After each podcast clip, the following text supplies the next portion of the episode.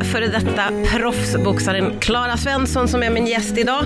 Eh, jag är väldigt, väldigt glad för det. Du valde ju att lägga ner din karriär. Vad var det som ledde fram till det skulle du säga?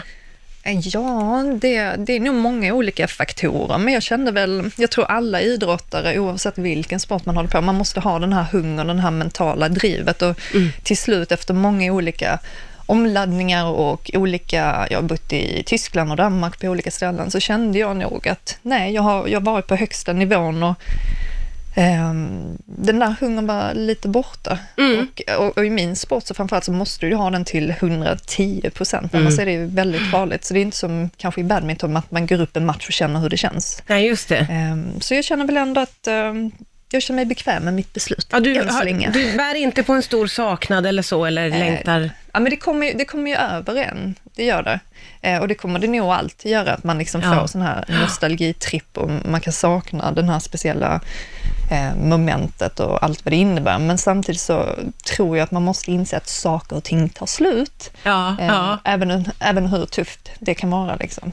Eh, Mikaela Laurén som har varit här också eh, och som mm. du har mött och vunnit över, eh, har ju också slutat men också börjat igen eh, och igen. Eh, hur känner du? Finns det liksom vad tänker du kring det? Vad är, vad är det som drar, tror du? Uh, ja, men jag tror det är nog olika från individ till individ. Jag tror framförallt många boxare har svårt att sluta för att det är inte som i en fotbollsallsvenska uh, där du inte är tillräckligt bra vill, så vill inget lag ha det, utan det finns alltid ett efterfrågan för någon att mm. antingen slå eller bli slagen på käften. Så det finns liksom alltid någonting där som lockar om man är lite halvsugen, så jag tror det är lätt att trilla dit.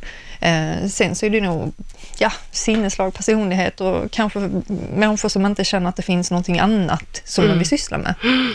Mm.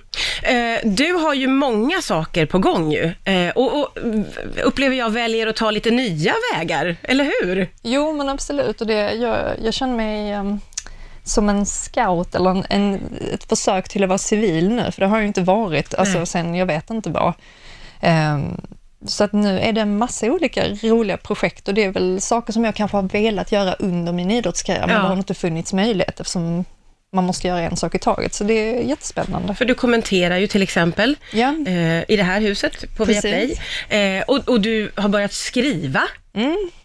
Nyligen så kallad journalist för Expressen, så ja. det är superkul. Jag har träffat fem stora idrottsprofiler, eh, så det kommer komma, det första reportaget kom med Henke Larsson igår, och sen kommer eh, de efterföljande en gång i veckan. Så det är superspännande. Så jag har provat alla de här olika rollerna, reporter, liksom, ja. programledare, ja, det mesta. Ja, det har ja. Det känns ju då för mig som att du är, eh, och det kunde man ju också förstå baserat på vilken sport du valde, men att du är väldigt modig. Eh, och med det i åtanke så vill jag också prata om någonting som jag är helt besatt av och det är din tid i Farmen VIP. När du var med i Farmen VIP, då tittade jag på varenda avsnitt. Jag älskade den säsongen som du var med i och jag blev så förtjust i dig.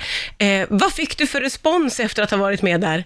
Ja, men vad kul att höra att jag har ett Farmen VIP-fan. Ja, ja, ja, det hör man inte så, så ofta längre. Uh, nej, men det, det, var ju, folk tyckte det var kul. Ja. Jag, det var ju liksom en annan vibe än den vanliga Farmen. Så det, vi var ju såna här riktiga gröngölingar som bara tyckte om varandra och gick där i skogen och sysslade. Så det kanske inte blev det bästa tv-skandalösa dramat. Men, men det var ju också roligt för att man förstod att det här var inte ditt hemma och du gillade inte hästar och det var inte, men du tog dig an uppgiften. Ja, men absolut. Det är väl lite, mm, det är kanske den här idrottsgrejen, att man, man ger inte upp. Liksom.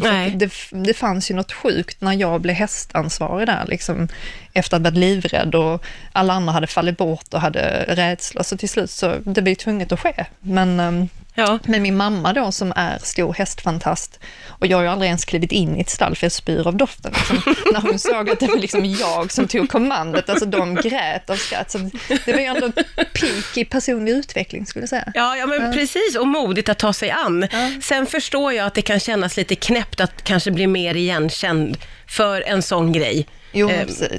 Hur tänkte du kring det? Att du liksom att folk... Nej, men, men som sagt, många tror jag inte känner igen mig heller från, från boxning eftersom man ser ut dels som en blodig psykopat när man är uppe i ringen och sen att man har de här liksom flätade Ja, håret. Så att när folk ser mig på stan så tänker jag så här, ja, jobbar hon liksom i H&M eller jag tycker jag känner igen henne, hon ser bekant ut. Jag ser väldigt svennig ut liksom. Så att, ehm, jag tror ehm, det blir väl en annan inverkan med TV kanske. Mm, ja, men så är det ju definitivt. Mm. Eh, men eh, du är ju fortsatt i TV och som sagt var, eh, vi, kan, vi kommer att kunna se dig mer i TV framöver också. Ja men absolut. Ehm, många boxningsmatcher att eh, bevaka och eh, ja men som sagt programledarskap och kommentering och nej, ni, ni slipper inte mig. Eh, underbart! Hoppas att du vill komma tillbaka hit någon Ja, gång och hänga. verkligen. Du är välkommen när du vill. Tack snälla Klara Svensson för att du kom hit idag.